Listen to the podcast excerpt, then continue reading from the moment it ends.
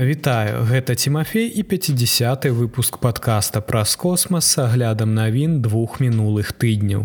Сёння вы пачуеце пра Індыю, якая рыхтуецца да місіі па вяртанні ўзораў з месяца, пра юбілей МКС, дадатковыя модулі для касмічнай станцыі Тяньгун, пра наса, якая хоча атрымаць кісларод з месяцовага пылу ды іншым. Давайте пачынаць.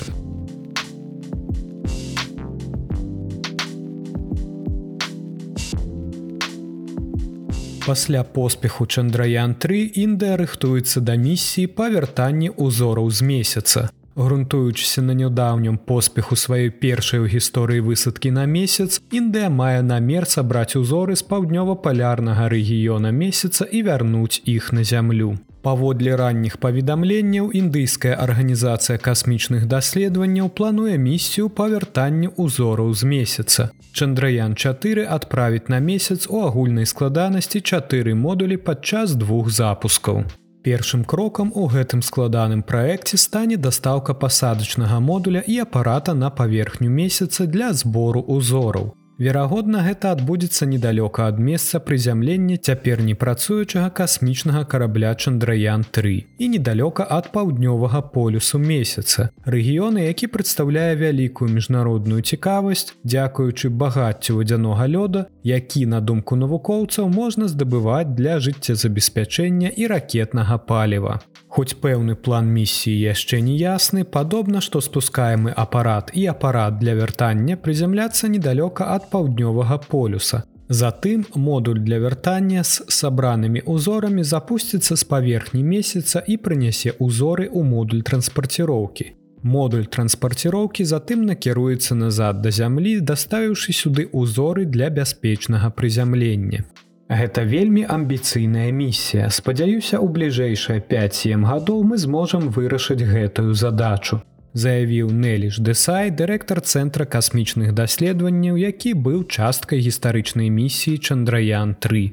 Прапанаваная Індыі канцэпцыя шматэтапнай місіі па вяртанні ўзораў з месяца на зямлю чымсьці падобнае да спробы даставіць дадому марсіянскія ўзоры. Канцэпцыя, якая знаходзіцца ў распрацоўцы NASAа. Праект NASAа, сумесны праект з еўрапейскім касмічным агенствам накіраваны на запуск узораў сабраных марсаходам персевіран з дапамогай касмічнага карабля з ракетным рухавіком і стыкоўку яго з арбітальным апаратам, які будзе круціцца вакол марса. Місія NASAа ў цяперашні час запланаваная на 2030 год і на дадзены момант сутыкаецца з крытыкай з-за павелічэння выдаткаў і нявырашанай архітэктуры індыйская арганізацыя касмічных даследаванняў яшчэ не аб'явіла меркаваны бюджэт для місіі чандраян 4 Аднак сама гэта заява не з'яўляецца поўнай нечаканасцю паколькі прэм'ер-міністр індыі нарэндай модзі раней заявіў што індыя зараз павінна імкнуцца да новых і амбіцыйных мэтаў У рамках гэтых намаганняў модзі даручыў урадаваму дэпартаменту, які кіруе касмічнай праграмай краіны, распрацаваць план па даследаванню месяца, уключаючы серыю дадатковых рабатызаваных місій Чандраян.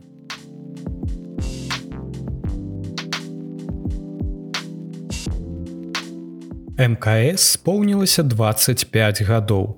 Міжнародная касмічная станцыя, якая імчыць у космасе з хуткасцю 27 тысяч кіламетраў у гадзіну аблятае ўвесь зямны шар прыкладна адзін раз у 90 хвілін, што складае 17 усходаў і заходаў кожныя 24 гадзіны.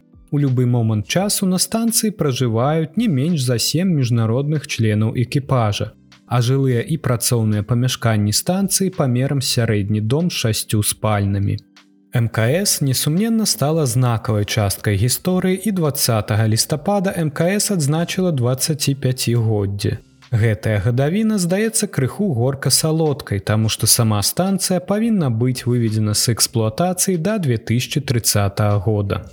Відавочна, што МКС адыграла вырашальную ролю ў распрацоўцы касмічнай тэхнікі. Для інжынераў станцыя паставіла беспрэцэдэнтную задачу па стварэнні асяроддзя пасялення на нізкай калязямной арбіце, дзе можна было бяспечна размясціць паўпастаяннае насельніцтва. Умовы мікрагравітацыі, пагрозы сутыкнення касмічнага смецця і шкоднае касмічнае выпраменьванне таксама ствараюць новае асяроддзе, у якім навукоўцам прыйшлося вырашаць лагістычныя праблемы. І дзякуючы гэтым рашэнням мкс дала людзям магчымасць тэставаць новыя тэхналогіі якія аднойчы можна будзе выкарыстоўваць падчас больш працяглых і далёкіх экспедыцый з экіпажам у іншыя вобласці сонечнай сістэмы і магчыма нават у глыбокі космас. Хоць мкс відавочна стала крыніцай тэхнічных інавацый але што магчыма больш важна яна дазволіла нам зразумець як знаходжанне ў космасе ўплывае на людзей Чалавечае цело эвалюцыянавала на зямлі. Таму яно створана, каб заставацца на зямлі. Космас уяўляе сабой новы набор праблем. Напрыклад, астранаўтам на МКС даводзіцца праводзіць две гадзіны ў дзень трэніруючыся, каб прыдухіліць мышачную атрафію. Паколькі іх целам не даводзіцца ўвесь час працаваць супраць гравітацыі. Жыццё на МКС таксама уяўляе сабой шэраг псіхалагічных праблем для астранаўтаў ізаляцыя адсутнасць канфідэнцыяльнасці і высокія патрабаванні да працоўнага асяроддзя ўсё гэта можа прывесці да даволі цяжкіх умоў працы. Вывучэнне псіхалагічных наступстваў жыцця і працы ў космасе на мкс дапамагло даследчыкам зразумець што трэба людзям для росквіту ў працяглых вандраваннях у глыбокі космас Пасля канчатковага завяршэння праграмы станцыя будзе кантралявана зведзена з арбіты, пры гэтым усё абсталяванне станцыі разаб'ецца і згарыць, калі блокі ўвойдуць у атмасферу зямлі. Любыя магчымыя рэшткі станцыі, якія дасягнуць паверхні зямлі прызямляцца ў аддаленнай частцы акіяна. МКС самае буйное пабудаванне калі-небудзь запушчанае людзьмі ў космас спатрэбілася 10 гадоў і больш за 30 касмічных палётаў, каб сабраць станцыю. На сённяшні дзень на мкс праведзена больш за 3000 навуковых даследаванняў. За час існавання мкс тысячи інжынераў, навукоўцаў, даследчыкаў і астранаўтаў з усіх куткоў свету унеслі свой уклад у функцыянаванне і росквіт станцыі. Такім чынам мкс у некаторым сэнсе пераўзыходзіць навуковыя дасягненні. Яна з'яўляецца важным сімвалам таго, чаго можна дасягнуць, калі краіны адмовяцца ад сваіх рознагалоссяў і будуць працаваць над дасягненнем агульнай мэты.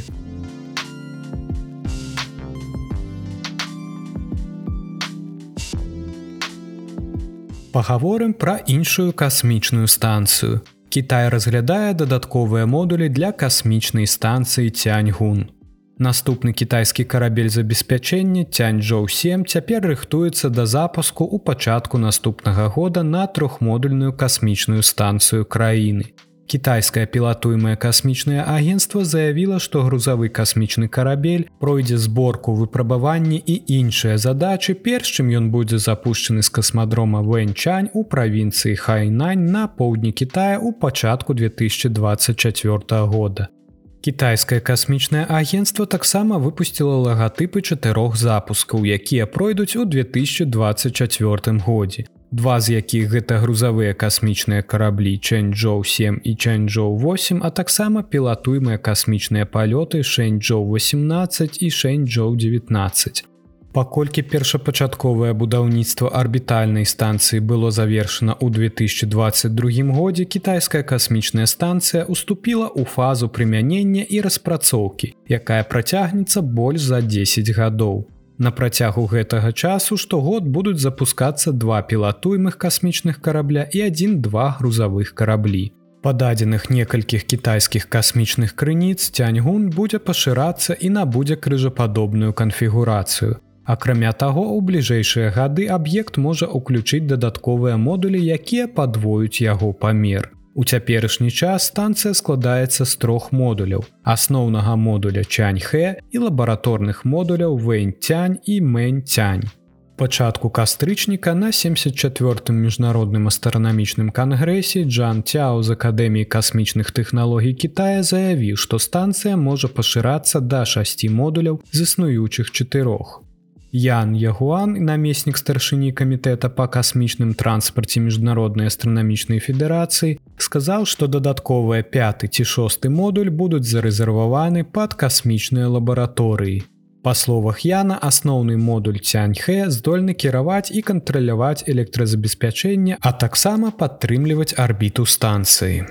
Што цікава, новы модуль дасць магчымасць падключыць да кітайскай станцыі модулі з іншых краін.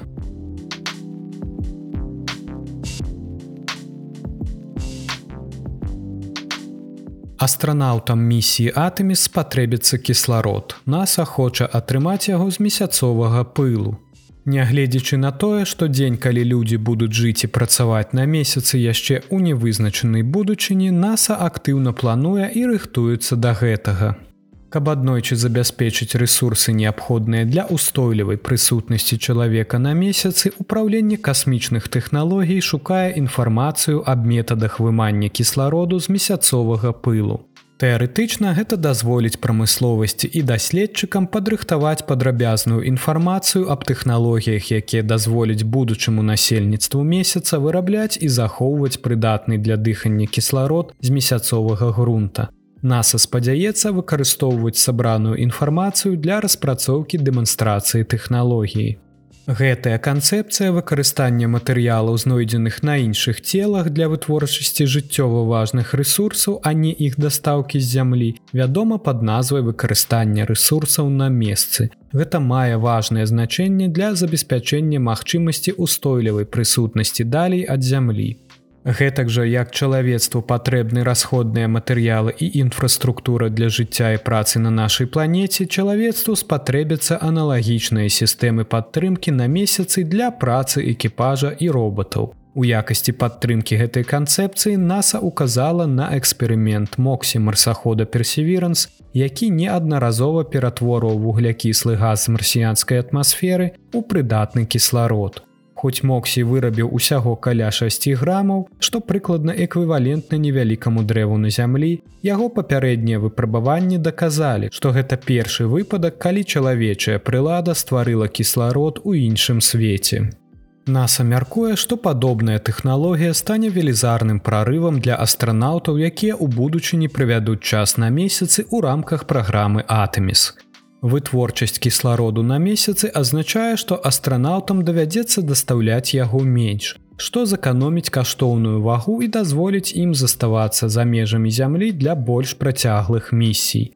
Аднак перш чым астранаўты паспрабуюць вырабляць кісларод для сябе, NASAа плануе прадэманстраваць тэхналогію, якая дазволіць зрабіць гэта ў рамках дэманстрацыі, якую агенцтва называе асноўныя тэхналогіі месяцовай інфраструктуры або ліфт 1 выкарыстанне ресурсаў на месцы ператвараючы легкадаступныя матэрыялы ў іншых мірах. У такія ресурсы як кісларод вода і метал з'яўляецца адной з частак даследавання якую наса падтрымлівае ў рамках сваёй ініцыятывы па інавацыях на месяцовай паверхні NASAа праводзіць уласныя даследаванні і супрацоўнічае з даследчыкамі для вывучэння жыцця на месяцы, вывучаючы, як пабудаваць месяцовую інфраструктуру, як забяспечыць яе энергія і як абараніць гэтую інфраструктуру.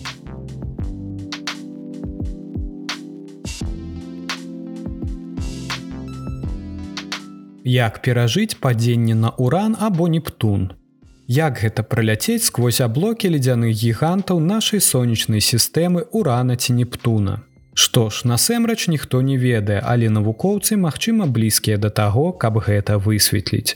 Чалавецтва з дапамогай зонтаў і роботаў прызямлялася, урызалася або спускалася ў аблокі ўсіх планет сонечнай сістэмы за выключэннем двух урана і нептуна самыя далёкія планеты ад сонца планеты да гэтага часу акутаныя пэўнай ступенню таямніцы. Аднак хутка сітуацыя можа змяніцца, Таму што NASAа і еўрапейскае касмічнае агенцтва заявілі, што наведванне гэтых знешніх планет з'яўляецца высокім прыярытэтам. Для гэтага мадэлююцца зонты, якія могуць дапамагчы нам зразумець, што можа пацягнуць за сабой спуску аблокі гэтых планет. Такім чынам навукоўцы нядаўна змадэлявалі спуск зонтаў у атмасферу двух планет. Выпрабаванні праходзілі ў гіпергукавой плазменнай тунэлі Т6 сталкер у Оксфордском універсітэце і ў плазменных аэрадынамічных трубках групы дыягностыкі потокаў стударыцкага універсітэта. Тунель сталкер Т6 самая хуткая аэрадынамічная труба ў Еўропе якая дасягае выпрабавальнай хуткасці 20 кіламетраў у секунду. Гэтае выпрабаванне мадэлюет тое, з чым давядзецца сутыкнуцца зонту, які будзе спускацца ў атмасферу урану або нептуна, уключаючы цеплавыя потокі і нагрэў. Нягледзячы на тое, што атмасфера гэтых ледзяных гігантаў вельмі халодная, зонт значна нагрэецца пры ўваходзе ў атмасферу. І хуткасць такога нагрэву на парадкі вышэй, чым усё, з чым, напрыклад, ека да гэтага часу даводзілася мець справу. У ходзе выпрабаванняў ужо ўдалося змадэляваць хуткасць 90 кіламетраў у секунду. Але далейшыя выпрабаванні будуць мадэляваць фактычную хуткасць уваходу ў 24 кіламетра ў секунду. Гэтая хуткасць эквівалентна хуткасці неабходнай для зонтаў для выхаду на арбіту ледзяных гігантаў. У адрозненні ад сваіх буйнейшых братоў Юпітера і Сатурна уран і Нептун утрымоўваюць прыкметную колькасць цяжэйшых элементаў, а таксама значную колькасць метану, апошні з якіх афарбоўвае аблокі ў сіні колер. Гэтыя планеты таксама могуць утрымліваць акіяны вадкасці ў сваёй атмасферы і вырабляць алмазны дождж. Тым не менш, уран і Нептун найменш вывучаныя планеты ў нашай сонечнай сістэме. Таму любы зонд адпраўлены туды дасць вялікую інфармацыю аб прыродзе планет. Акрамя таго, вывучэнне гэтых ледзяных гігантаў таксама можа дапамагчы лепш зразумець фармаванне планетарных сістэм.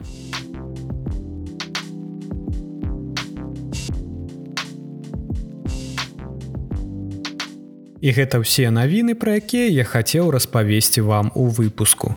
Цяпер пагаворым аб самых цікавых падзеях наступных тыдняў. 9 снежня месяц будзе побач з венерай. Убачыць яркую планету побач з тонкім месяцовым сярпом можна будзе раніцай перад узыходам сонца ў сузор'і дзевы. 14 снежня месяц асветлены на 5соткаў сустрэнецца з меркурыем у сузор'і стральца. Месяцовы дыск будзе амаль небачны, а планета зойдзе праз гадзіну пасля сонца. Так што у вас будзе не так шмат часу, каб знайсці меркурый на вячэрнім небе. Таксама 14 снежня нас чакае метэорны поток геменіды. Метэорны поток адбываецца з 19 лістапада па 24 снежня і дасягне свайго піку ў ноч з 13 на 14 снежня. 2023 год стане выдатным годам для назірання за метэорным потокам геменіды, паколькі яго пік прыпадае на маладзік. Пры адсутнасці перашкод нам абяцаюць да 100-150 метэораў у гадзіну. У адрозненні ад большасці метэорных потокаў, якія назіраюцца на зямлі, геменіды з'яўляюцца прадуктам астэроіда. Паток вырабляе яркія метэоры, звязаныя з астэроідам фаэтон, дзіўным сінім каменем, які дзейнічае як камета. Геменіды лічацца адным з лепшых метэорных потокаў амаль у кожным годзе, таму што асобныя метэоры яркія і хуткія. Лепшы час для назірання за метэорным потокам наступіць пасля поўначы. Але вы можете пачаць шукаць метэоры ў небе з надыходам цемры. Каб убачыць найбольшую колькасць метэораў, абярыце адкрытае і мала асветленае месца для назірання і проста пачынайце глядзець у неба. Таксама не забудьцеся далучыцца да сацыяльных сетак падкаста, каб не прапусціць нічога цікавага. Гэта ўжо 50 эпізод падкаста і я хацеў бы падзяліцца невялікай статыстыкай за ўвесь час. У сярэднім адзін эпізод праслухоўваюць каля 120 разоў. Вельмі прыемна, што 42сотка слухачоў з Беларусі, 19соткаў з Польшы, на трэцім месцы слухачы з Грузіі. Вялікі дзякуй слухачам з Геррманіі, Чэхіі, ЗША і іншых краін. Я рады і спадзяюся, што вы даведаліся нешта новае з майго падкаста. Разам мы даследуем планеты, зоркі галактыкі, дзелімся навуковымі адкрыццямі і фантастычнымі ідэямі. Калі ласка, раскажыце сваім сябрам пра падкаст або падзяліцеся падкастам у сацыяльных сетках. Давайте разам пашыраць межы беларускай мовы. Велізарная падзяка ўсім патрыонам, якія падтрымліваюць падкаст. Вы можете далучыцца ў любы момант. На гэтым 50 выпуск скончаны, хутка пачуемся.